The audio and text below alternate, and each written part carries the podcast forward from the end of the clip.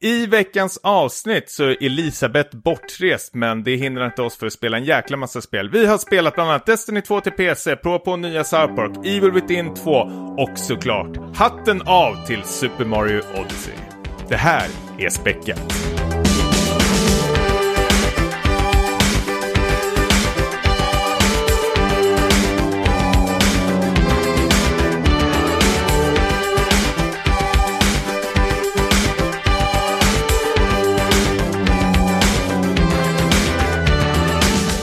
Säger jag sassa brassa mandelmassa och hej och välkomna till ett nytt avsnitt av Späckat, avsnitt 42 med mig bland annat Tommy Jansson och er trogna lyssnare hör ju redan att det har blivit någon slags rokad här. Eh, Elisabeth är ju ute och reser. Eh, vi ska väl kanske lite prata eh, Lite mer om det snart, men först ska jag väl säga, jag har fått en lathund här av Elisabeth. Man ska fråga Niklas, hej, hur mår du? Hej Tommy, jag mår bra. Eh, känns lite ovant. Jag är lika nervös som du inför det här avsnittet. Eh, hur det ska gå. Vi har ju inte kört, du och jag, någon gång i den här podcasten. Ja, som sagt, jag har ju en lathund här från Elisabeth, står på punkt nummer två. Lyssna vad Niklas säger och ställ följdfrågor. Jag, jag zonade ut på direkten när du började prata, så redan här känner jag att... Kasta ut lathunden, gå på känsla bara. Mm. Nej, men eh, skämt åsido, eh, Elisabeth är ju, som eh, vi vet sedan förra avsnittet, hon har ju dragit till eh, staterna, USNDA, för att bland annat gå på Blizzcon och bara ha en awesome time där borta.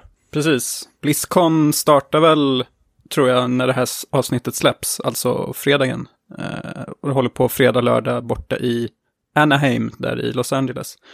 Eh, och hon har ju utlovat en uh, utförlig rapport då när hon kommer tillbaks i nästa avsnitt. Så vi liksom peggar väl för det redan nu, att det, det kommer bli väldigt kul att höra hur det har varit. Ja, hon har väl gått runt och känt på Reinhardts muskler, kollat om de är äkta. Ja, just det. Och sen så har väl Hearthstone utannonserat någon ny lek som man kan berätta om. ja, Men eh, hur är det med dig då? Vad har hänt sen senast? Har du något kul att berätta? det är väl lite tveksamt, men eh, jag, jag har väl försökt räkna på att nu, eh, med tanke på att det bara är två månader kvar av året och jag har liksom en lista på alla spel som jag bör ha spelat innan året är slut, så känns det som att det är en så här omöjlig ekvation och att jag måste typ offra de här semesterdagarna som man har sparat till någon resa, liksom bara för att eh, spela spel och kanske till och med ta med switchen till jobbet och spela på lunchrasten för att eh, få, få det att gå ihop. Eh, Maxa timmarna, precis som i Persona nästan. ja, det blir ju så. Sitta på, på tåget, men det är ju liksom aldrig någon sittplats där.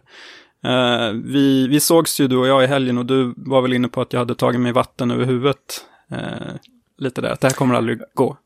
Ja, men ska vi eh, försöka snabbräkna ihop dina, din backlog då? Alltså de här storspelen som du har. Eh, Nier Automata, Ja, eh, Divinity 2, Original Sin. Zelda. Eh, ja, så blir det ju de här eh, Super Mario Odyssey. Jag kan fortsätta. Jag är South Park, The Fractured But Whole, The Evil Within 2. Eh, Nu är det liksom spelen vi ska prata om det här avsnittet i och för sig. Eh, Destiny 2 är ju ständigt aktuellt. Eh, vad har vi mer? Var det inte mer än så? Nej, det är inte så mycket. det är inte så farligt.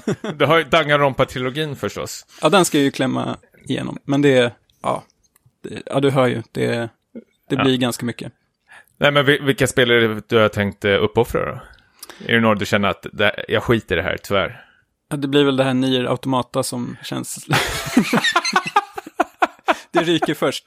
Nej, men det, det tar emot lite, för du har ju sagt, många har ju sagt att eh, liksom en av huvudpoängerna med det spelet är att man ska klara det flera gånger för att uppleva alla sluten. Och då liksom faller hela historien på plats.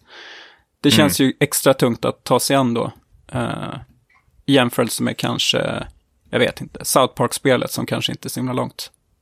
Nej, men eh, för det andra tycker jag att Nier Automata är ett otroligt roligt spel att eh, prata om i efterhand. Eh, jag vet bara när vi satt och småpratade så började jag klaga på den här världskartan, hur den ser ut. Och eh, alltså det, det, finns ju en liten förklaring i spelet varför. Och bara det tycker jag är rätt så... Eh, bara en sån sak tycker jag är rätt så kul att prata om hur de har löst vissa eh, tekniska aspekter i, i spelet faktiskt. Utan att spoila för mycket. Men självklart är den stora grejen med spelet är ju, man märker redan efter andra varvet att det, det blir ju ett helt nytt spel. Mm. Eh, och ja. Mm. Så det är kanske, det, det, bör spelas kanske trots allt.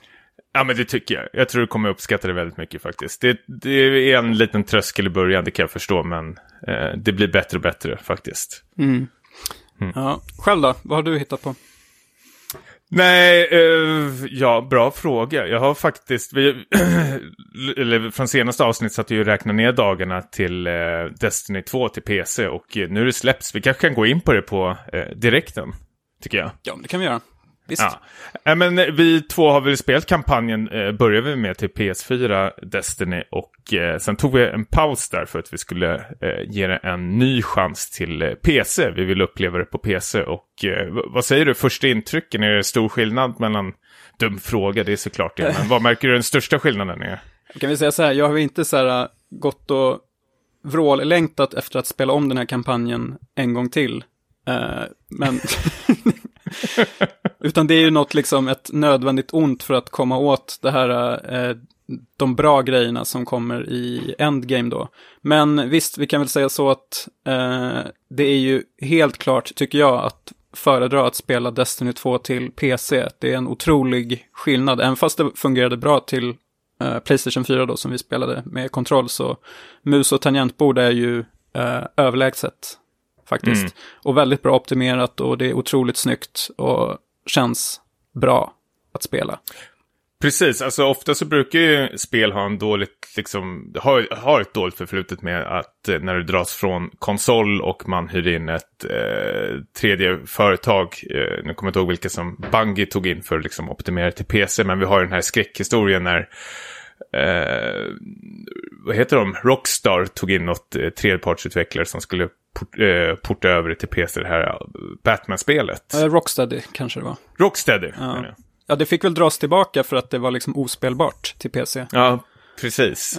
eh, jag undrar om det ens finns på Steam-katalogen eh, nu. Kanske har kommit tillbaka, det vet jag inte. Men det var mm. väl inte en sån jätterolig historia där. Nej. Men Destiny 2 har ju klarat sig, eh, skulle jag säga, felfritt. Alltså det funkar ju, precis som du säger, ännu bättre till PC. Mm. Det var väl någon kontrovers där med att en massa spelare hade blivit bannade. Det hade ju kanske inte med eh, det tekniska att göra, eller du som är bra insatt, varför blev folk kickade? Ja, men folk blir kickade av den enkla anledningen att de använder fusk. Alltså Bungie har varit tydliga med att gått ut, för de fick ju väldigt mycket kritik plötsligt. Så här, Oj, folk blir bannade eh, tvärs och tvärs. Eh, och, och då gick Bungie ut någon dag senare och sa så här, så här ligger det till att vi, ja, vi har bannat eh, folk runt 400 pers. Mm. Men det är av den enda anledningen att vi har märkt att de har använt ett liksom eh, tredjeparts eh, mjukvara liksom. Och det kan ju vara allt från auto-aim eller något liknande. De har ju fuskat. Mm. Så de, och, Bungie satte ner foten helt enkelt? Det var liksom... Ja, helt rätt tycker jag. Ja, ja visst, visst. Faktiskt. Ja. de har ju varit väldigt, väldigt strikta och, och kollat alltså, innan de har bannat. Säger de nu då. Mm. Men eh, ja, jag vet inte, det finns väl ingen anledning att de bara liksom chansar och eh, eh bannar folk utan anledning. Det skulle väl skada eh, företaget otroligt mycket. Ja, det tror jag absolut. Uh, men ja, vi, vi har i alla fall då tagit oss igenom uh, kampanjen. Och uh, ska vi göra lite reklam för vår klan då, som är Späcket-klanen. vi behöver mer medlemmar. hur joinar man? Tar vi in vem som helst? Nej. Ja, ja, alltså vår klan är ju helt öppen. Det finns ju folk som eh, spelar Destiny vet ju att man kan gå in på Bungies hemsida och så söker man bara helt enkelt på eh, späckat tror jag helt enkelt på bland klaner. Så det är bara att hoppa med och eh, spela oss. Mm. Spela med oss kanske det Spela med oss och bidra. Ja. Eller mot oss. Det får vi se. Ja. Men eh, jag tycker det här känns jättespännande för nu eh, när vi pratar just nu så släpps eh, Raiden till PC och vi är ju ett eh, gäng på fem, sex pers nu, vänner som spelar tillsammans. Eh, så det ska bli väldigt intressant hur det här kommer gå. Alla har ju sina privatliv, så det, för det första är det den största utmaningen att pussla ihop eh, sex vänner som ska spela samtidigt. Och de här raidsen är ju inte världens lättaste om man inte ska kolla igenom massor med guider och sånt där, utan det är ju en, säkert en helg eh, kanske som kommer ta åt, om vi inte fuskar. Ja, okej. Sen blir bannade. och blir bannade av Bungie. men, men då är det väl eh, viktigt att särskilja då vanliga raids från, är det night raids det heter då, eller night strikes? Night Strikes, du tänker på, ja precis, uh, uh, nu glöm, glömmer jag bort exakt vad de heter. Night, någonting, någonting. Men det är ju strikes fast lite svårare, man skulle kalla, det för dungeons nästan. Okay. Men då spelar man ju bara tre stycken i dem. All right.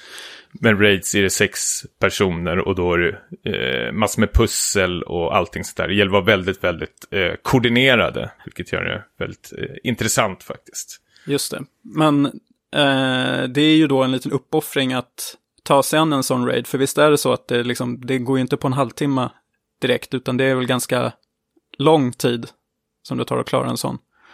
Ja, i alla fall om man inte vet vad man ska göra. Jag tror Lok, eh, jag har inte exakta siffror, men undrar om de första som klarar alltså det finns ju sådana här jätteduktiga eh, personer som ska ta an de här raidsen så snabbt som möjligt precis när de kommer ut. Och då vet man inte alls vad man ska göra. Då tror jag det tog nästan lite över sex timmar för dem.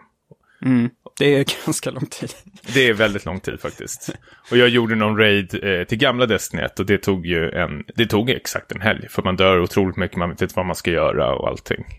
Men, ja, uh, är de generösa då med liksom så här checkpoints så att det inte blir något sånt här att man måste spela om allting? Det är de, du kan eh, absolut liksom när som helst avsluta raiden och eh, komma tillbaka till den exakt där du slutade. Mm. Men allting nollställs efter en vecka. Så varje vecka, jag tror det är på tisdagar, så nollställs det. Och då, du har en vecka på dig att liksom klara den här raiden. Så du kan ta pauser i den här raiden och fortsätta exakt där du slutade. Så checkpoints och sånt där är det generöst. Precis, bara man inte börjar spela så sent en måndagskväll. För då då ja. är det liksom från början sen. Eh, Ont om tid. Ont om tid.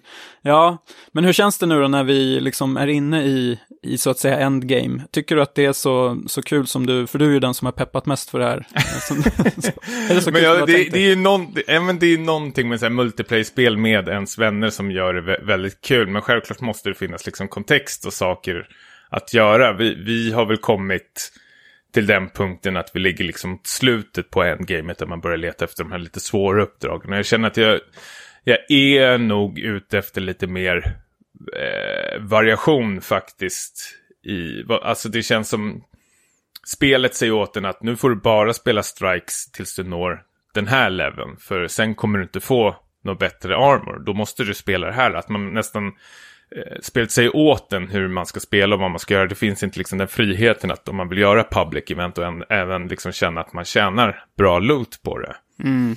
Så jag tror att de måste fixa sitt både loot-system och liksom eh, variationen bland eh, uppdragen. För vi satt eh, igår, jag och några vänner, och satt och bara matade strikes. Och det, är, det blir rätt så segt när man springer om samma, samma uppdrag för liksom tredje, fjärde gången. Ja, Ja, det, var, det är väl något som jag har tänkt på också, att uppdragsdesignen känns ganska upprepande. Jag, jag kan inte riktigt se skillnad på en, på en patrol och en strike till exempel. Jag tycker att det, det är ungefär samma typ av uh, uppdrag. Alltså liksom ta dig en bit in och skjut lite fiender, gå vidare och liksom upprepa. Uh, alltså själva skjutandet så, såg ju kul, men jag känns, det känns lite som att det blir ganska repetitivt mm. efter ett tag. Uh, då kan man ju dock blanda upp det med lite sån här uh, The Crucible då, som är den här PVP-bitarna. Som jag måste säga är det jag tycker har varit roligast än så länge. Um, för jag, jag tror väl att jag själv är, uppskattar mer den här liksom uh, att spela mot mänskliga motståndare snarare än, än AI då. Men jag mm. vet inte, vi har inte kommit liksom till slutet än, så jag får väl vänta med ett liksom slutgiltigt utlåtande. Nej men jag håller ju med dig, alltså PVP är ju otroligt eh, bra och eh, finslipad och eh, känns som det finns eh, mycket variation där, eh, olika game modes. Det, det enda liksom nackdelen där är att du inte kan välja vad du, vill, vad du ska spela utan det liksom slumpar spelet åt dig. Okej okay, mm. nu ska du spela det här och så känner man sig, gud det här är ju tristaste game-modet. ja. Men eh, annars så tycker jag de här public eventsen är otroligt roliga. Men samma sak där, det finns inte tillräckligt med variation på dem. Det känns som när man ska skydda en sån där glimmer station för typ 80 gången. Så Mm. Eh, blir väldigt trist. Men det som är roligt med public events är att det bjuder in andra okända spelare som kommer dit och liksom hjälper en. Att det händer lite, det blir lite mer liksom levande helt plötsligt då. Mm. Men sen försvinner ju alla och då blir det bara liksom, då är man där själv med sitt jävla fireteam och skäms. sitt jävla gäng. Ja. Mm. Um, men eh, vad tror du om, väldigt tidigt att säga kanske, men uh, tror att det kommer att gå det kommer ju gå bättre än för The Division, misstänker jag. Här finns det ju liksom en, mer, en större, mer uttänkt och långsiktig plan, känns det som. Eh. Ja, jag hoppas det. Alltså, det, det, man blir väldigt orolig samtidigt för de hade ju den här uh, Twitchcon eh, där Bungie vart bjudna och började prata om typ framtidsplaner. Då började de typ så här yra om säsonger och då är det så här, okej okay, vad innebär det då? Och då börjar de visa upp massor med typ kosmetik och allting och då känner jag så här, gud för fan vad trist. Det ringer varningsklockorna. Ja, men samtidigt så kröp de till korset också någon dag efter det där och eh, sa att vi har lyssnat och eh, här har ni flera punkter, det var punkt, liksom tio punkter på saker de ville ändra. Alltså det var inte riktigt man fick inte reda på direkt hur de skulle ändra det, men att typ säga okej, okay, vi känner igen det här, vi vill att det ska bli mer varierande, säger de. Men de säger inte liksom hur mm. de mhm. kommer göra det. Mm. Men jag tycker verkligen de ska titta på hur, eh, till exempel hur Diablo 3 eller hur Warframe har löst det med variation och uppdrag och sånt. Så det finns ju eh, mycket att göra faktiskt, och de har ju verktygen känns det som. Men hur, hur gör Diablo 3 då, till exempel? För att Ja, men eh, det Diablo 3 löste var ju att de hade, för det första hade de något som de la in som heter Paragon level, att det var någon soft level cap, att man alltid levlade upp hela tiden och att det alltid fanns liksom bättre, bättre vapen hela tiden. Det känns som sin karaktär eh, gjorde progress hela tiden. Mm. Plus att du kunde liksom tävla i sån här rift som heter, någon slags, eh, en ladder då, att där du liksom Eh, skulle klara, äh, för enkelt förklara det, massor med raids och desto högre upp du kom desto svårare motstånd vart det, men desto bättre loot fick du. Mm. Och du kunde alltid liksom uppgradera dina saker. Alltså det, jag har ju spelat hundratals timmar med Diablo och det känns alltid som jag har ett mål någonstans, men när jag tittar på Twitch nu när folk ligger på power level 305 så blir de så här, okej okay, vi vet inte vad vi ska göra, vi har liksom vi har en maxlevel, jag har det bästa gearet, vad, vad ska jag göra liksom? Och jag känner samtidigt nu när jag, när jag tittar på min glimmer på Destiny så är den max, det är liksom, vad är det, 99 999. Mm. Det har ju tagit stopp där. Och de måste ju hitta något eh, hur de ska lösa med valutan och sånt. Så ja, men eh, samtidigt har jag ju väldigt kul, alltså det, det känns, det, det, det är ju inget så Gotu-spel eller något liknande, men det är väldigt så trevligt att spela med sina vänner känner jag och snacka lite skit. Men däremot är jag väldigt orolig hur länge det här kommer liksom överleva. Jag har ju köpt hela kittet med expansioner Jag är så jävla förbannad för jag vet att det är jag som kommer sitta där själv och bara Ska de inte komma mera? Nej, tyvärr. vi har gått vidare. vi har gått vidare, ja, precis. Division 2 eller någonting spelar vi då. Mm. Precis. Ja, men ja. Eh, ska vi gå vidare? Vi har ju spelat massor med andra spel. Mm. Um, ska vi hoppa in på South Park The Fractured Butthole då? då? Uh, butthole. Butthole. Eller... Hur uttalas det? ja ja, det får man bestämma själv. Um, ja, det här är ju då uppföljaren till uh, South Park. Stick of Truth. The Stick of Truth, just det. Um, som inte kom för så himla länge sedan, men som var då ett uh, uh, eh, RPG som utspelade sig i South Parks universum, alltså den här animerade serien. Um, och du spelade det första spelet. Ja, det gjorde jag. Och har du sett fram emot den här uppföljaren? Jag gjorde det ett tag, men sen efter alla förseningar och allting så har jag faktiskt tappat tappa suget mer och mer faktiskt. Uh, och sen började jag glömma bort det gamla spelet, varför jag tyckte om det, eller om jag ens tyckte om det. Och sen, jag, jag har bara glömt bort Stick or Truth. Om någon frågar mig typ hur, hur, hur var själva liksom RPG-spelandet där? Jag har ingen aning. Jag har helt och hållet glömt det. Kunde inte varit så viktigt. South Park The Fractured But Whole då, i eh, det första spelet, då eh, var väl liksom det genomgående temat att eh, man drev lite med fantasy. Medan i eh, Fractured But Whole så är det superhjältar. Vilket känns som det kommer så här lite, i och för sig, det är superhjältar är väl alltid aktuella numera, men det känns lite så här sent att just det kommer nu. I och med att South Park alltid är så himla aktuella med tv-serien. Där de liksom skriver avsnitten veckovis. Här känns det som, i och för sig, här har de haft lite mer tid på sig kanske att jobba med manus. Eh, så att just handlingen tycker jag än så länge känns, eh, den, den, känns rätt rolig, eller liksom dialogerna och karaktärerna. Eh, eller vad tycker du? Ja men verkligen, det är väl därför nästan man eh, spelar det här spelet känns det som för själva liksom, ja för att eh, vara med om de här gud att jag säger det här, tokigheterna som händer i den här staden. Ja, men jag, jag älskar ju South Park-serien och följer den fortfarande. Eh, särskilt nu den senaste säsongen tycker jag väldigt, väldigt mycket om de avsnitt som har kommit. Men eh, samtidigt det här med superhjälte-grejen, det har de ju redan gjort för flera säsonger sedan. Men samtidigt känner jag att, ja, det, vi kan väl driva det några varv till kanske då det, det, är massor med andra saker som hamnar i kläm också på vägen kan man säga. Det är inte bara superhjältegenrerna eh, som får en känga. Nej, de svingar åt alla håll i, i sedvanlig ordning. Um, och upplägget, uh, det är väl som så att man, precis som i första spelet då tror jag, man spelar någon slags The New Kid som kommer till uh, South Park. Och då börjar interagera med Cartman och Kenny och hela det där gänget. Och i eh, det här spelet så inledningsvis i alla fall så börjar man jobba åt Cartman som då är den här superhjälten The Coon. Och då är det så att man ska bygga upp sitt eh, rykte på sociala medier, eller Coonstagram som det heter då. Dåligt. ja, två, två, plus. Två plus på den. uh, och det gör man i alla fall genom att gå runt att, och eh, ja, hjälpa folk på stan med diverse quests och så vidare och eh, ta selfies och så bygger man upp eh, sitt rykte och blir så småningom något av en influencer då. då. Eh, och jag ska väl erkänna att jag har inte kommit jättelångt. Det, är ju, det hänger ju ihop med alla de här eh, spelen jag räknade upp i början av avsnittet, att det är så mycket annat just nu. Men eh, än så länge tycker jag att eh, det, är, det är roligt och det är väl kanske liksom huvudsaken. Eh, och då menar jag kanske främst karaktärerna och så, inte nödvändigtvis gameplayet. För eh, jag tycker att det blir ganska snabbt enformigt att gå runt på gatan och eh, gå in i varje hus som ser i princip exakt likadana ut.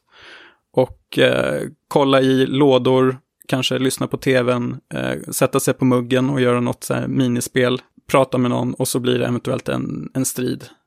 Det är möjligt att det öppnar upp sig sen, men än så länge så tycker jag att det är, eh, det känns väldigt så här eh, inrutat vad man får göra. Ja, och plus att det känns som man får liksom grejer kastade, kastade sig över sig i, i början, att du, du ska ta selfies, du ska rota i lådor, du får massor med items, men jag är jag blir väldigt så här, fundersam. Eller jag känns som jag inte samtidigt orkar bry mig, typ så här, vad, vad är det för någonting jag plockar upp? För det är liksom så otroligt mycket sån här loot. Jag fattar ju väldigt snabbt att det är liksom att du kan liksom göra dina egna items och allting sånt där. Men jag känner samtidigt att så här, uh, jag orkar bara inte sätta in i mig det här. Jag vill bara fortsätta och liksom få storyn att eh, gå vidare. För jag har väldigt kul med själva storyn med karaktärerna, precis som du. Mm. Och jag gjorde så till och med att jag eh, drog ner svårighetsgraden till eh, easy när jag spelar. Bara för att liksom bli av med de här eh, striderna. För jag känner exakt som du att det blir de här striderna är liksom på tok för långa för sitt eget bästa och liksom de säljer in det att det ska vara lite något slags schackliknande mönster rör man sig och det ska vara lite så strategiskt vad man ställer upp sina gubbar. Men samtidigt känns det inte så här jätte, jätte smart faktiskt. Nej, det känns ganska platt. I synnerhet jag som kommer från eh, Divinity Original Sin 2 som hade sådana otroliga kreativa möjligheter. Ja. det största RPG på länge. Det var kanske lite taskig jämförelse, men det blir ju lite så när man spelar dem back-to-back. Då är mm. ju det här väldigt platt.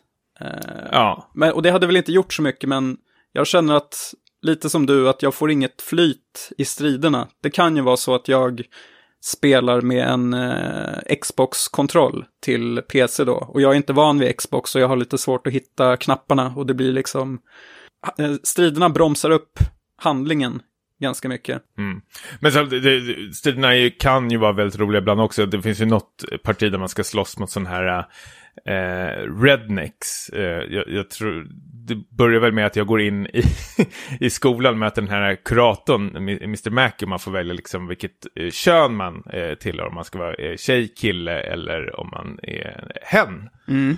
Eh, och så valde jag, ja men då är jag hen och då ska Mr. Mac ringa ens mamma eller ens föräldrar och eh, det ska bli värsta pådraget och sen när jag kom ut ur den här skolan så har ju det här ryktet spridit vidare sig till de här rednexen som ska spöa skiten ur mig för jag är typ, enligt dem någon så här trans eller någon konstig PK-människa eller någonting sånt där. Mm. Eh, det var väldigt, väldigt roligt faktiskt, eh, tyckte jag. Och, och annat som jag tycker är kul med de här striderna är ju att, alltså, Visst att stridssystemet är rätt så mediokert, eh, går man inte säga emot, men jag tycker ändå att de har försökt ibland att det händer lite saker, att de här barnen lever i sin liksom, fantasivärld och helt plötsligt liksom stan stannar striden upp och de ropar liksom car, car och den här musiken som ligger på i bakgrunden försvinner helt plötsligt och barnen liksom springer upp på övergångsstället. Så uh, åker någon bilförare förbi och skriker något fult ord med barnen. uh, lite som när man var liten uh, nästan och lekte på parkeringen. Precis, och sköt sönder lyktorna på bilar med ja. bandybollar. exakt samma sak. Mm. Uh, ja, men, men, känner du spontant så här uh, några timmar in att det verkar vara mer av samma uh, nu här i tvåan? Eller är det något, liksom har de för, förnyat sig tillräckligt mycket? Nej, det skulle, de har väl försökt på vissa eh, delar faktiskt. Du, du, har väl lite fler karaktärer att välja på som du kan ta in i striderna. Det är väldigt tydligt vem som är kanske healer eller eh, tank eller något liknande. Och du kan hålla på och mixa med din karaktär, även fast det är ett rätt rörigt system i början kan jag tycka. Men jag säger att om man är ett väldigt, alltså South Park-fan så kommer man nog inte bli missnöjd eh, av storyn och humorn. Men eh, om man är där för liksom gameplayet så eh, finns det inte så mycket att hämta tycker jag faktiskt. Utan det är väl mer, jag hade nog nästan rekommenderat att skruva ner till IC och liksom eh, njut av eh, storyn. För den är väldigt, väldigt eh, rolig och eh, South Parkig.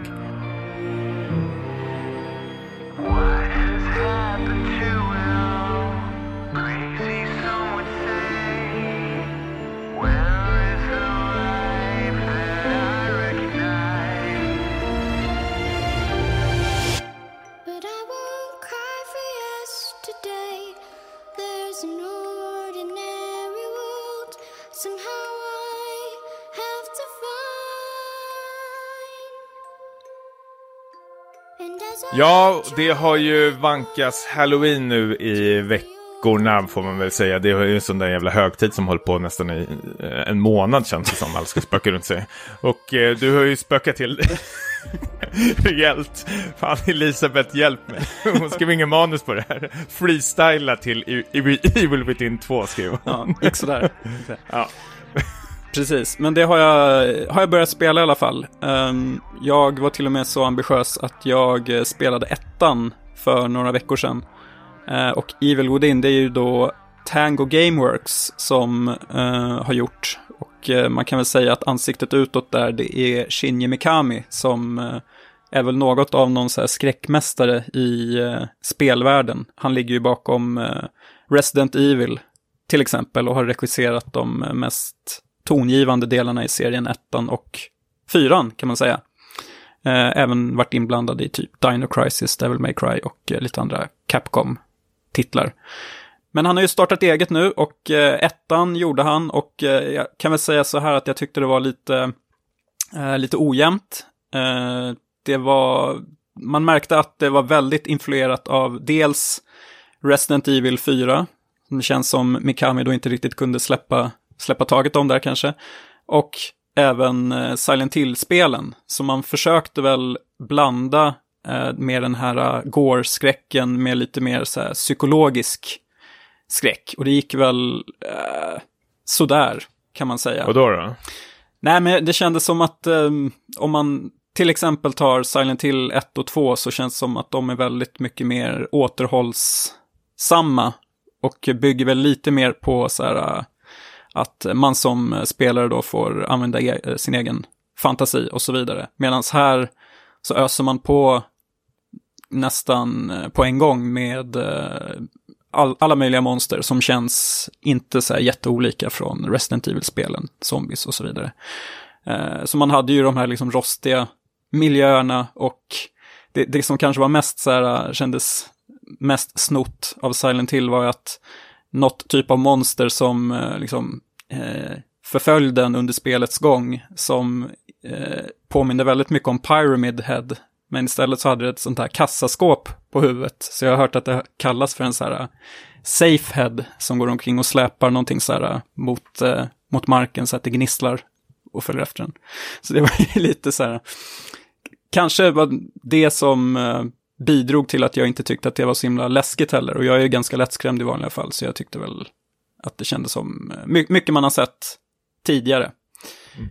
Hur, för, för, en av anledningarna varför jag inte eh, köpte det var ju att jag tyckte det såg så konstigt ut med den här eh, anamorphic grejen, ihoptryckta bilden. Jag vet inte, de patchar väl det kanske, men att det liksom var mindre än 16.9. Att det var väldigt mycket så svarttonat eller...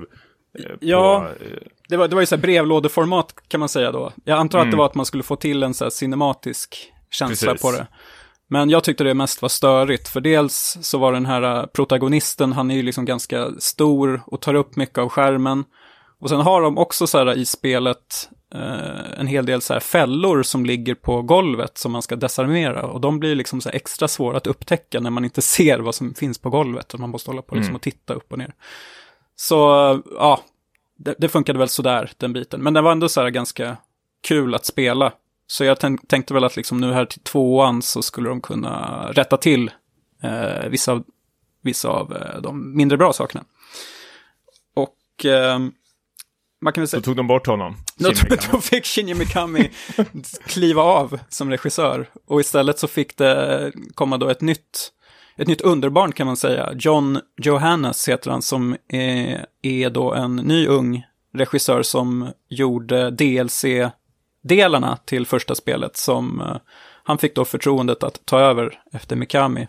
Uh, och jag har inte spelat just DLC-bitarna, men jag har hört att de var ganska uppskattade och att de var liksom läskigare än vad själva huvudspelet var. Så det bådade ju ganska gott nu här inför tvåan. Uh, och jag kan väl säga så här att det, det börjar väldigt bra. Um, det, det utspelas ju i, om första spelet var på ett mentalsjukhus så eh, tvåan mer av ett så här open world-tänk. Och det är återigen lite så här inspiration från första Silent Hill känner jag då, för nu den här gången så letar man efter sin dotter i en öde amerikansk småstad. Men det är inte en total rip-off, för det känns ändå som att eh, det här eh, det blir ju lite av en spoiler, så jag ska kanske inte berätta så mycket mer, men Evil Within-universumet har lite av en så här twist till sig. Det är inte liksom ett bara rätt och slätt en skräck, ett skräckspel, utan det har lite så här eh, influenser från filmer som typ eh, The Cell och kanske Inception, så det finns lite så här, eh, lite sci-fi betoning på den här skräcken ändå, som gör det lite intressant. Um, Okej. Okay. Ja, vad, vad, kan man säga mer? Man, man kommer till den här staden och eh, möter lite karaktärer och det, det stås ju ganska snabbt eh, fast då att eh, det finns monster här också. Och de sätter ju liksom käppar i hjulet för en när man ska leta efter sin dotter. Såklart. Såklart. Är det monstren som har berövat eh, dottern? ska man inte avslöja. Nej, okej. Okay, ja, det är så pass. Mm. Nej, men hur känns det eh, spontant? Jag antar att du inte har hunnit kört igenom det här. Men om du eh, jämför med eh, första spelet och andra spelet. Mm. Jo, men um, först... Är det ett lyft? Alltså ja, jo, jag tycker nog att det känns som ett lyft än så länge. Jag tycker det är intressant med det här uh, open world-tänket. Uh, sen får vi se om de liksom ror i hamn i slutändan, men det känns ju som att de har, uh, de har försökt ta ett litet nytt grepp om skräckgenren. Man känner ju igen de här vanligaste skräcktropesen med att det är fortfarande, även fast det finns några liksom uh, monster i spelet som känns eh, lite utöver det vanliga så är det ju främst liksom varianter på de här zombiesarna från Resident Evil och de här klickerserna från eh, eh, The Last of Us, känns det som. Och så har vi liksom lite kusliga eh, små flickor då som eh, dyker upp. Men det är ändå så här, det är ändå roligt att spela och det känns belönande att utforska den här lilla staden som eh, till exempel så gick jag in i en, eh, en kyrka där jag hittade så en galen präst och fick liksom eh, slåss mot honom. Och det var liksom en så här, eh, en cutscene eh, kopplat till det också. Och jag har ingen aning om det liksom har någon inverkan på storyn på det stora hela. Men det kändes ändå som en så här eh, kul grej som hände bara för att jag chansade och gick in i, ett, eh, i en kyrka då. Så dyker det upp lite karaktärer som ger dig lite sidouppdrag då, så du behöver, du kan liksom avvika från den här huvudstigen och göra lite sidogrejer också. Så, så som, som sagt, det blir ju det här eh, open world-känslan. Så ja, positiv än så länge. Ja, men känns det läskigt då? Du som var ute efter något läskigt spel? Alltså, Eller... Ja, det känns som att första kapitlet här är ganska läskigt. Medans nu när jag kommit ut i den här staden så kanske det läskiga försvinner lite.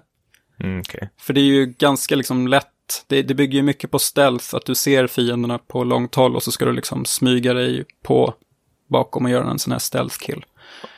Det, för jag tänker på det Silent Hill känner väldigt mycket på var den här klaustrofobiska eh, känslan och eh, även där liksom kameravinkeln mm. eh, hjälpte till. Jag kommer ihåg eh, första spelet när man ska ta sig igenom de här eh, grindar eller vad det är. Det är någon slags sån här, eh, vad heter det, galler, stålgaller något liknande. Mm.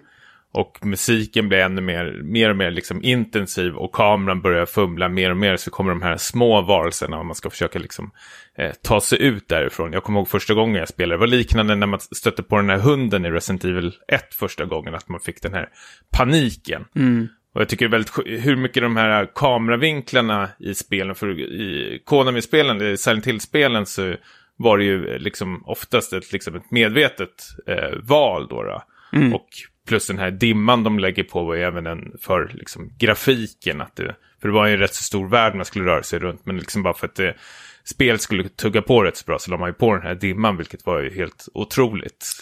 Ja, det var ju otroligt stämningsfullt och banbrytande. Helt klart. Mm. Och det, det är ju inte The Evil Within 2. Det är liksom kanske lite orättvis jämförelse, men... Ja, nu gör vi en till orättvis jämförelse. Omöjlig. Så ja, det här blir ju då en besvikelse jämfört med uh, Silent Hill 1. Men det är ju synd, för liksom man längtar ju nästan efter ett skräckspel som ska slå Silent Hill 2 eller vara liksom där i uh, närheten. Men det känns som de antagligen så är de bara ute efter någon gore att det bara ska vara läskigt och man ska gömma sig i massor med kylskåp, jag på att säga. Men oftast är det någon slags klädskåp eller någonting man ska sitta och trycka. Mm. Eller så är det mest typ något jag tänker på Resident Evil 5, att liksom eh, bara skjuta sig igenom allting och då blir det inte heller så jätteläskigt. Nej. Faktiskt. Man är inte så utsatt när man har liksom fullt med ammo, bazookas och allting på sig. Nej, inte särskilt. Och här känns det som att man vill ju tala till den breda publiken. Dels det här open world, men du har ju också ett så här crafting-system, uh, lite likt det i uh, The Last of Us, så du kan uppgradera diverse förmågor. Så att det liksom det, det, är ju ett spel för den breda massan, kanske liksom inte det här uh, mer smalare spelet som Silent Hill var, återigen. Men uh, ja, alltså det... Mm. Mm. Det är bara synd att vi aldrig kommer få se Silent Hills. eh, Kojimas... Eh, PT. Eh, precis. Verkligen. First person eh, skulle väl vara, antar jag. precis. Eh, bara de här filmerna de släppte efteråt såg ju helt eh, galna ut faktiskt. Here we go, off the rails. But you know it's time to raise our sails. It's freedom like you never knew. Ja, som ni säkert hör på den här vignettmusiken som du har klippt in nu Niklas, är väl att det vankas Mario. Just det. Eh, Big Band Jazz. Take it away. Nej, men eh, ett nytt Mario släpps. Eh, både du och jag äger ju en Switch nu. Eh, stor anledning var väl kanske både för Zelda och eh, Mario för att vi, eh, man har köpt den här Switchen. Och eh, otroligt, eh, jag vet inte, senaste tiden har jag börjat bli mer och mer peppat inför det här spelet faktiskt. Särskilt de senaste dagarna innan det kom så kände jag att herregud vad jag är sugen på det här spelet. Av någon konstig anledning. Hur känner du? Alltså jag har inte riktigt vetat vad jag ska förvänta mig, för det senaste Mario-spelet som jag spelade, det var ju Super Mario Sunshine till GameCube. Eh, och det var ju, oh, shit, 10-15 år sedan känns det som. Så jag har lite glömt bort vad, vad Mario-spelen innebär eh, numera. Och... Du har kört Mario Party? ja, precis. Är det, det? det var därför jag hade låga förväntningar här. Nej, men ehm, jag har ju faktiskt inte kört liksom, till exempel Super Mario 64 som är en sån här, äh, liksom, eh, en klassiker. Det har jag ju bara spelat hemma hos kompisar och aldrig ägt själv, så det har liksom byggts upp eh, i mitt huvud till något sånt här helig graal som jag aldrig kommer att, kommer att spela. Um, och sen har jag då liksom läst alla bra recensioner till eh, Super Mario Galaxy-spelen som också gick mig förbi då eftersom jag aldrig ägde någon Wii. Så jag visste inte riktigt vad jag skulle förvänta mig här. Ehm, men jag var ju lite nyfiken såklart. Uh, innan, vi går in på, innan vi går in på Mario Odyssey-recensionen då, så nu när Switch har kommit ut så håller man verkligen tummarna. Vi, vi eh, pratade ju om det förut att eh, vi hoppas att de, eh, Metroid Prime-trilogin skulle eh, släppas igen, fast på Switch-format. Och jag hoppas verkligen att de kommer släppa Galaxy-spelen till Switch. Ja, verkligen. Det, det, Även fast det innebar att man var tvungen att ha den här nunchakon för att styra någon jävla stjärna för mig. Aha. Åh, gud, det där kommer de aldrig släppa. Nej, det var ju synd. Nej, men två helt otroliga spel var det faktiskt till Wii. Ehm, ja, hur skulle du som har spelat eh, de flesta Mario-spelen, är ligger det här närmare Galaxy-spelen eller är det mer tillbaks till liksom, Super Mario 64?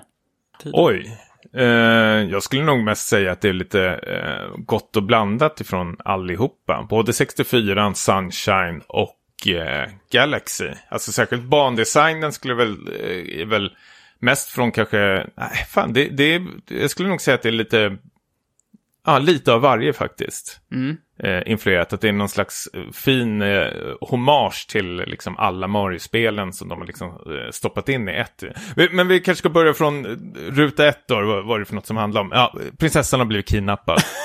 Känner man ju igen från tidigare spel. Precis, ingen överraskning där, utan man, man hamnar mitt i eh, storyn när man så, slåss mot eh, Bowser på hans skepp och eh, vet han ska väl röva bort henne för han ska väl gifta sig med henne. Redan där börjar jag hålla på och tänka så här, hur ska det här gå till? På bröllopsnatten tänker du? Nej, nej, men jag vet inte hur, hur långsiktigt Bowser tänker. Är det mest att, gifta sig och sen är jag så här, ja, det här kommer inte funka. Jag är ju en reptil människa. Vi får adoptera där- någonting kanske. En, en gomba får de adoptera och så ska de förklara för gomba när hen blir vuxen typ att, ja men, jag kidnappade mamma din. Och, Dysfunktionell familj. Ja, mörkt ändå. Mörk. Men det här, det här är ju Maris uppgift. att sätta stopp för. Undrar om det var så här de sålde in spelet på Nintendo. Nej, men eh, då kastas du in som eh, Mario då och ska eh, leta rätt på prinsessa för liksom, du ska ju åka runt i den här världen och få något eh, skepp med dig med och du har med någon, eh, eh, din, din, din mössa, eller det är väl något spöke som eh, förvandlar sig till eh, Marios mössa, är det väl? Ja, man kom ju till något så här rike med, vad var det, massa eh, spökhattar, döda hattar. Döda hattar, mörkt ändå. Ja, återigen. Redan där. Din truckerkeps är där kanske. Ja, min minns fanda- fandandyk. Precis, eh, för det kan man ju säga, det är den stora gimmicken med Super Mario Odyssey, att du har ju den här magiska hatten som du kan kasta av dig på till exempel en sån här, eh, är det en bullet bill det heter, de här eh, liksom kanonkulorna som flyger eh, Mm. framåt. Och då liksom besätter du den kanonkulan och kan flyga vidare en viss tid då. Blir Man kan göra så de blir så suicidala och bara kör rakt in Så i kamikaze- berget. Ja, precis. Mörkt igen. Nej, men det, det ger ju en, en väldigt så här, äh, stor variation, tycker jag. För det kom ju, det känns som att det har inte rått någon så här idétorka på eh, Nintendo eh, utvecklingskontoret här inte. Utan de har ju liksom bara kastat in massa olika idéer på vad man kan göra med den här eh, hatten då. Och liksom bakat in det i de olika banorna.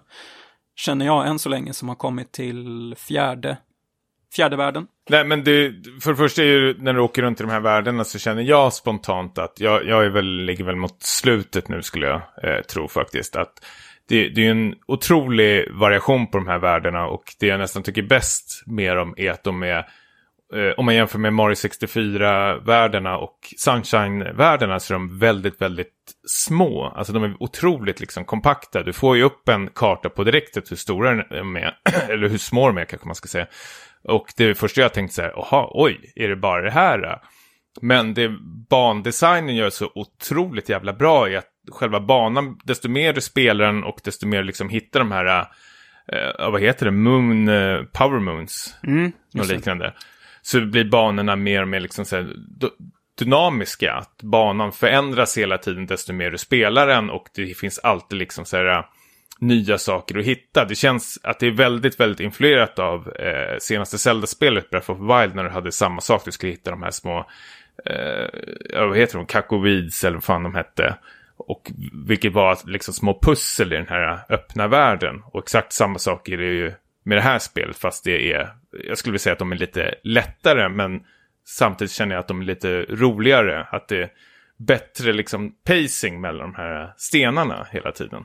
Mm. Ja, men som exempel då, eh, tredje världen tror jag, som är en så här ökenvärld. När man kommer till den så är ju den helt nerkyld och har massa isblock överallt. Men när du har kommit en bit in då i den världen så lyckas du återställa liksom ordningen och eh, isen försvinner. Och då blir det lite av en, som en ny värld då, liksom som öppnar Mm. upp nya möjligheter. Så det är ju väldigt kul och jag hoppas att, eh, det, det verkar som att det håller i sig hela spelet, eh, enligt din beskrivning då. Den typen av... Det gör det verkligen. Och det jag älskar mest, alltså för det första nu när vi pratar så har ju eh, Switchen släppt en eh, ny uppdatering 4.0, vilket betyder att du nu kan liksom spela in dina liksom klipp. Beroende på vad det är för spel så är det olika längd på det, men jag tror Mario-spelet spelar vi in 15 till 30 sekunder eller något liknande.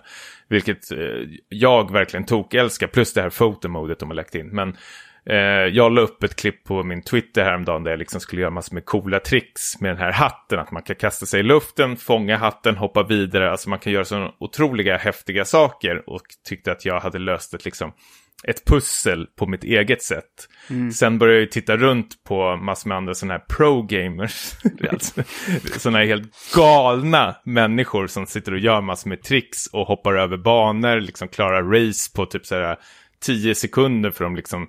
Det, det är inte att de glitchar spelet utan de är bara så otroligt duktiga med den här uh, hoppknappen hur man ska hoppa på hatten och kasta den vidare och sen kasta Mario vidare.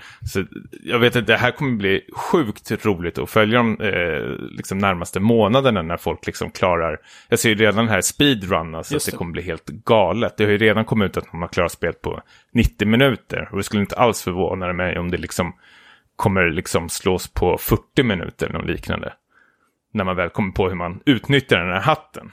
Exakt. Jag gillar ju det att det känns som att det är en, det är en bra balans med, för att, för att komma vidare då, eh, mellan de här världarna så måste man ju ha lite bränsle till sitt skepp och det är ju de här då Power Moons som ger det. Men eh, du, behöver ju inte hitta alla Power Moons i en värld för att komma vidare, utan de har ändå, tycker jag, balanserat det ganska bra så att det känns aldrig så här hopplöst att, eh, att hitta eh, tillräckligt många månader för att flyga vidare. Och sen så Mm. finns det liksom ett mervärde då att komma tillbaks för att eh, finkamma eh, värdena för att hitta allt. Och sen så, till min förtjusning så märkte jag ju att man kan köpa ledtrådar av Toad för Mm. att hitta. så det känns som att då, då är det ändå... Girig jävel. Gi- Ja, precis. Eh, schysst mot de som kanske vill ha allt men inte lyckas hitta det och så vidare. Man kan alltid så här köpa sig till. Mm. Ja, men det finns ju otroligt liksom backtracking-värde i det här spelet. Samtidigt ser jag verkligen att nu när jag ligger mot slutet och kommer klara spelet, liksom, det, det är ju nästan bara början på mitt äventyr. Utan jag ser verkligen fram emot att när jag kommer hoppa tillbaka till de här världarna. Eh, vem vet, alltså nu vet jag ingenting om eh, endgamet, men det skulle inte förvåna mig att de här eh, Powerstone, eh, Power Moons kommer liksom användas på ett, ett eh, annat sätt än att man tar sig vidare i världen. Hoppas jag i alla fall. Eh, nu vet väl många som lyssnar här redan svaret. Men eh, vi kanske återkommer till eh, nästa vecka när Elisabeth också har spelat det. Vi, det här är ju ett spel vi kommer prata om flera gånger känns det som. Nu, vi, vi har ju bara eh, doppat tårna i det nu känns det som. Precis. Ehm, är, det no- är det något negativt du har att komma med? För jag, vi, vi pratade ju lite om den här uh, Uncle Amiibo som dyker upp i, an, i tredje världen. som Just. girig farbror då som vill att man ska köpa Amiibos för att få ledtrådar av honom. Eller vad det var nu han... Uh, Är det inte till och med så att du eh, låser upp kläder? Jaha, okej. Tror Så det är kosmetika då som... Ja, jag är inte helt säker, men jag tror det. Men här är ju också någon slags här, eh, ful grej med eh, de här jävla Amiibo-grejerna. Att säga, tja, har du en Amiibo? Och så känner jag, nej, det har jag inte. Behöver jag det till det här? Ja! Om du, ska, om du vill göra det här och det här och det här så behöver du en Amiibo. Så tänkte jag, fy fan alltså. Ja, men det, det är riktigt så här Schweinerei sen. Pay to win i Ja. Super Mario Odyssey. Nej, men det, det, det tycker jag inte så bra. Sen, eh, visst, kontrollerna är bra tills spelet förklarar att till exempel du har en superattack med hatten, att du kan kasta runt den eh, 360 grader. Och det finns bara ett enda sätt du kan göra det och då måste du liksom vifta på den här kontrollen åt vänster eller höger. Det finns ingen liksom knappfunktion eller ommappning eller någonting att du kan liksom göra den här attacken. Och jag hatar så fort du måste hålla på och vifta på kontrollerna. Och det finns flera andra attacker du måste slå ner kontrollen för liksom dra ner den här hatten mot marken, att den ska rulla iväg och liknande. Eller om du ska liksom rulla eller klättra i saker så måste du också hålla på och vifta med kontrollen. Och jag tycker det är jag, vet, jag, ty- jag tycker det faktiskt är dålig design faktiskt, att man inte kan få välja där. Det känns lite som att så här, Nintendos envishet, att de, de vill fortsätta hålla liv i det här liksom Joy-Con-tänket som eh, de eh, introducerade under Wii-eran då. Eh, men jag kände också när jag eh, var lite så här lätt bakis och låg och spelade, jag orkar ju inte ligga där och, och liksom skaka, utan jag ligger tillbaka lutad så här. Så jag får helt enkelt hoppa över den eh, attacken. Och det är ju... Ja, tycker, jag, Det saknas ju inte knappar heller att eh, liksom använda. Nej, precis. Både på X och Y så gör du samma sak och A, B så hoppar du. Sen har du även de här sidoknapparna också, gör du exakt eh, samma sak med. Så det är ju bara att ersätta några av knapparna så är problemet löst, tycker jag. Men det, det är ju sant, jag som tar med mig switchen på tunnelbanan jag åker till jobbet, jag ser ut som en jävla galning. Jag ser ut som jag liksom ska, är förbannad där. Jag sitter ju helt själv, det är förstås rätt så skönt, men folk tror jag är liksom en psykopat som sitter och skakar Ja. på den där. Ja, exakt. Så det är, ja, ett litet minus. Ja. Men du, du har inte kommit till eh, New Donk City, Nej, där Elisabeth befinner sig. Ja, just det. Eller var ett tag. Ja. Känns det, är det liksom spelets höjdpunkt då? Eller? Jag, jag ska inte spoila någonting, men det finns ett segment där, där som fram, framkallade någon slags eh, liten gåshud, eh, tyckte jag ändå. Jag tyckte de, de gjorde det på ett otroligt snyggt sätt. Det är ett litet sidouppdrag man gör för att eh, komma vidare i spelet. Men jag tyckte det var eh, väldigt så här, alltså det, det, det var ren och skär liksom spelglädje i det när jag spelade det. Det kände jag så här, det här är otroligt kul just nu. Det här älskar jag. Och jag gillar eh, bandesignerna över varenda bana. Jag gillar det här hoppa bland plattformar. Det, det blandas mellan liksom superlätt och lite svårare. Jag antar att det blir svårare och svårare desto längre in man kommer. Och det kanske finns något eh, som eh, Super Mario World hade, hade ju den här Star Level, eller vad den hette. Mm, just det. Kommer du ihåg den? Mm. som var eh, väldigt mycket svårare än de vanliga banorna. Så jag hoppas att det finns något liknande där man verkligen spelaren eh, sätts på prov. Kanske är svårt att säga, men om man måste välja på Super Mario Odyssey och Zelda Breath of the Wild, vilket är bäst? Men just nu är det Odyssey. Alltså, det jag gillar med både Breath of the Wild och Super Mario Odyssey är att det, det som skiljer från många andra spel är att liksom spelet inte hetsar än att man måste liksom klara spelet. Utan spelet är väldigt så här, det är öppet och det säger till liksom spelaren nästan indirekt att liksom här har du en värld, bara ha kul med den. Liksom, storyn finns här i bakgrunden, den är relativt ointressant, vi vet det, men mm. bara ha, ha lite lattjo och så kommer det låsa upp saker på vägen. Jag har ju fortfarande inte klarat Zelda, utan jag springer bara runt och gör massor med eh, egna äventyr hela tiden. Jag skiter fullständigt i storyn, jag är helt ointresserad av att eh, dräpa Ganon. Jag vill ju bara ut och utforska och hitta egna saker och sånt där. Och det lyckas de ju hur bra som helst med.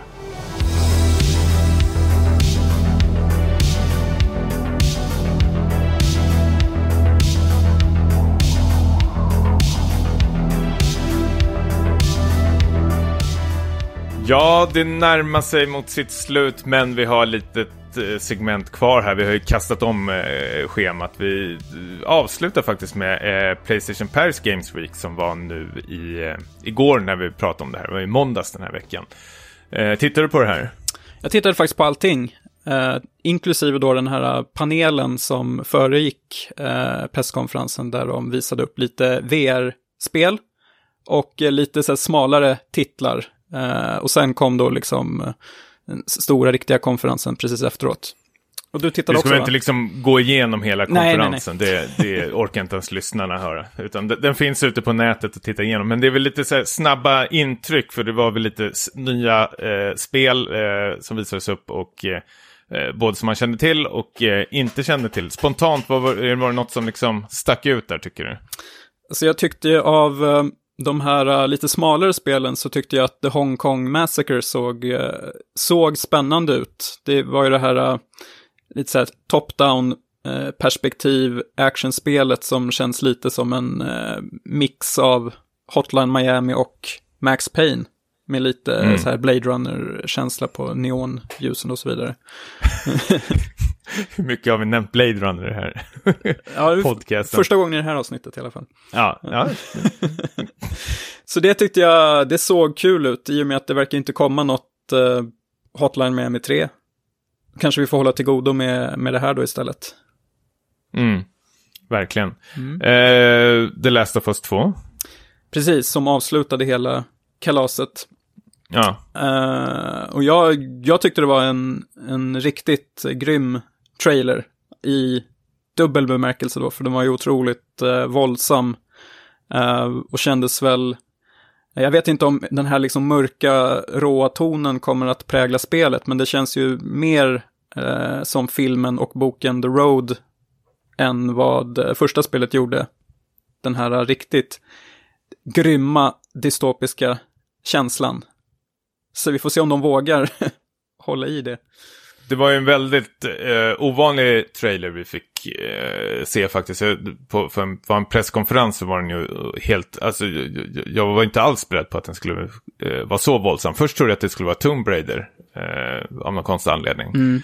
Men eh, snabb, äh, fattade rätt så snabbt att det var nya Last of Us.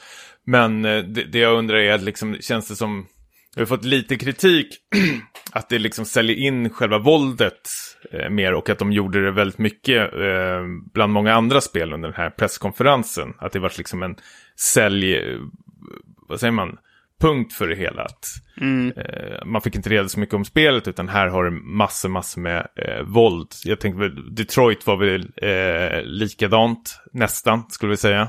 Men den här misshandlade pappan då som eh, Precis. slog sin dotter. Eh, ja, och sen eh, hade vi väl... Eh, nej, men eh, hur känner du för det då? Att, tyckte du var helt rätt val att välja typ av trailer för att sälja in spelet? Eller kunde de gjort på en lite mer... ja, jag, jag tänkte på den förra Last of Us-trailern var ju lite mer tonsatt på ett helt annat sätt faktiskt. Mm. Alltså jag gillade ju att man inte fick se eh, någon av huvudkaraktärerna från första spelet. Att det känns som att det är liksom en annan del av universumet som kommer då att knyta samman med eh, första spelet då på något sätt. Sen det här med våldet, eh, så antar jag att liksom det, det blir väl någon sorts liksom motvikt mot eh, alla Nintendos mer, eh, om man säger gulliga eh, spel. Att det alltid har varit lite Sonys grej då för att erbjuda något som Nintendo inte kan. Eh, något mer vuxet inom citationstecken och mer liksom eh, vågat. Så jag vet inte, alltså jag hade inga, jag blev inte, jag blev inte provocerad av det. Jag, ja, det kan, kanske inte var just själva våld, våldet som jag tyckte var det bästa med trailern. Utan det var hur den var liksom regisserad eh, Mm. i övrigt. Det var ju otroligt obehaglig, eh, känner, särskilt jag som har knivfobi. Eh, tyckte det var, Mm. Då började jag titta bort till och med nästan. Ja, det var Började ganska- Sticka mot magen. Kände jag, fy fan. Ja. Eh, nej, men grejen, eller frågan är väl mer liksom att är det här någonting vi kommer få se mer utav i spelet? Kommer, är det här någon nivå de har satt nu på det nya The Last of Us? Att det här kommer bli ett grafiskt, alltså otroligt sjukt våldsamt spel? Eller blir det här mest en, en teaser-trailer som de bara vill sälja in spel på? Men när vi väl spelar så kanske det inte kommer vara så våldsamt att de har dragit ner på det. ja, Det är med det. det är ju frågan, för nu har de ju satt ribban ganska högt Mm. för våldet. Så det kanske blir liksom att det, eh, det kommer prägla själva spelet också. Precis, och för mig har ju inte The Last of Us varit känd för våldet. Utan jag, till skillnad mot dig, du var ju inte så jätteförtjust i eh, första spelet. Men jag tyckte det var en väldigt eh, bra och fin story faktiskt. Men sen har de förstås gått ut med eh, Naughty Dog att eh, det första spelet var mer, eh, vad, sa- vad sa de, love som kärlekstema och det här skulle vara hate. Oj. då, hade de väl som tema. Så det skulle vara någon slags kontrast till första spelet. Ja, Första spelet tyckte jag var skitmörkt förstås. men ja. det ska bli intressant hur de tar det här till nästa nivå då. ja. Faktiskt. Men jag, jag tänkte det finns väl något att... det finns ju liksom våld, sen finns det liksom meningslöst våld. Att eh, kommer det liksom spela, någon stor, eh, spela en roll i det här spelet känns det som mest. Mm. Den här gården, eller är det bara effektsökerier det hela? Ja, det, det får vi se. Jag, jag tyckte att, Ja. att det ändå kändes som att det platsade i trailern. Eh, Mm. Men vi får se.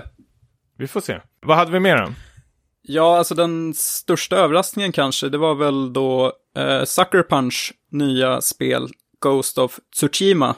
Och det är alltså studion då bakom Infamous-spelen och Sly Cooper, ännu längre tillbaka i tiden. Eh, och det ska ju då vara ett eh, samurajspel med open world-tema. Eh, och jag trodde att det var ett nytt Onimusha-spel eh, först, alltså den här Capcom-serien, om du minns. Ja, Eh, självklart. Men eh, det var det ju inte.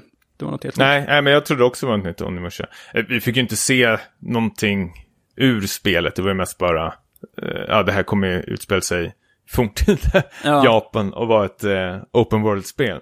Exakt. Men eh, jag vet inte, jag, jag blir ju, inte provocerad, men jag känner sig när de, bör, när de börjar efter den här showen intervjua Sucker Punch-teamet och man ser en av de här creative directors som sitter inomhus med en sån här lång skatermössa och så här långt hår. Han ser nästan ut som så här, huvudkaraktären i eh, Infamous Second Son.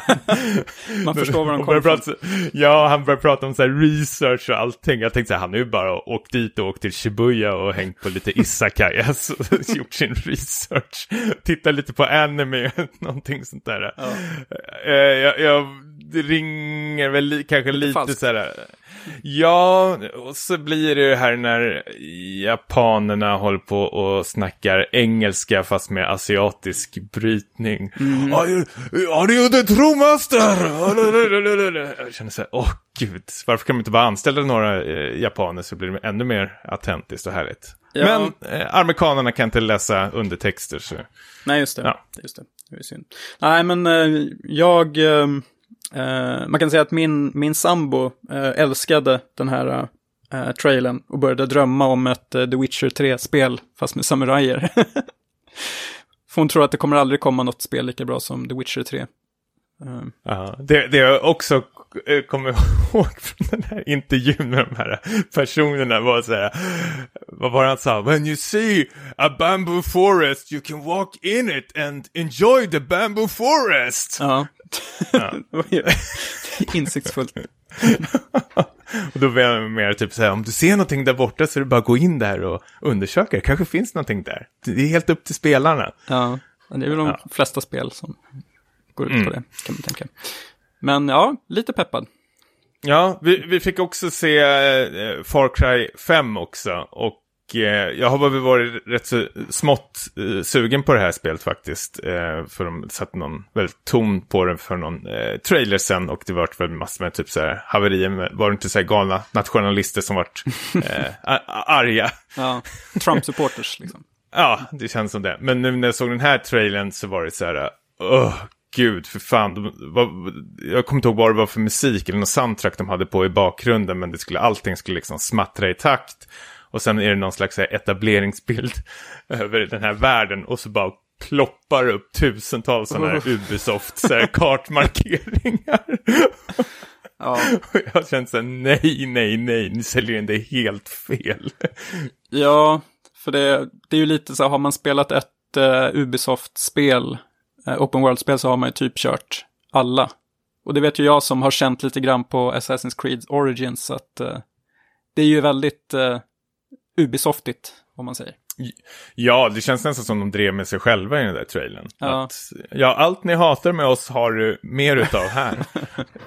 Ja, Nej, men eh, det ska väl bli intressant vad det blir för någonting eh, av det här spelet. Men just den trailern tyckte jag var så här, nej, herregud, det här är inte ett dugg eh, Sänkte på just förväntningarna. nu. Ja, otroligt mycket faktiskt. ja Härligt. det var väl Ska det. vi runda av? Det börjar bli dags. Nästa vecka kommer eller nästa avsnitt kommer Elisabeth tillbaka. Så då får man väl ge någon slags recension hur vi har eh, skött oss. Det här programledarrollen, det, det kommer jag aldrig få se eller höra något mer utav från min sida. Det blir en damage report från Elisabeth. Mycket, Ja, av, precis. Är collateral damage. hur i mycket av podcasten tagit skada? Nej, jag tyckte Ja. det gick bra. Det är lugnt. Ja, det det kunde ju hända att vi pratade om Twin Peaks i eh, tre timmar. Ja, det, det kan hända. Det kanske blir ett... Ja, då, då hade det blivit någon slags krismöte. Avgå och grejer. Ja, precis. Men eh, eh, som sagt, då blir det mer om Blizzcon bland annat nästa avsnitt. Kanske lite Assassin's Creed från din sida. Det lär det bli. Det tror jag. Ja, spännande. Vart hittar man eh, späckat, Niklas? Eh, på Twitter så hittar man oss på späckat. Eh, på Instagram späckatpodd. Och man kan också mejla på späckatpodcast.gmail.com. Eh, om man vill nå dig då Tommy, hur gör man? Ja, på mig når man eh, Tommy Jansson på Twitter och Stimpas på Instagram. Och du då Niklas? Eh, OneLess Niklas Instagram och Niklas Lundqvist på Twitter. Och gå gärna in på vår iTunes eh, eller vad ni har för app och danga till några stjärnor och skriv något kul att eh, det här gör ni bra eller det här bör ni göra bättre. Ris och ros är välkomna. Men vi är så otroligt glada att ni lyssnar på oss. Det är vi. Vi ljuger. Hej då! Ha det bra!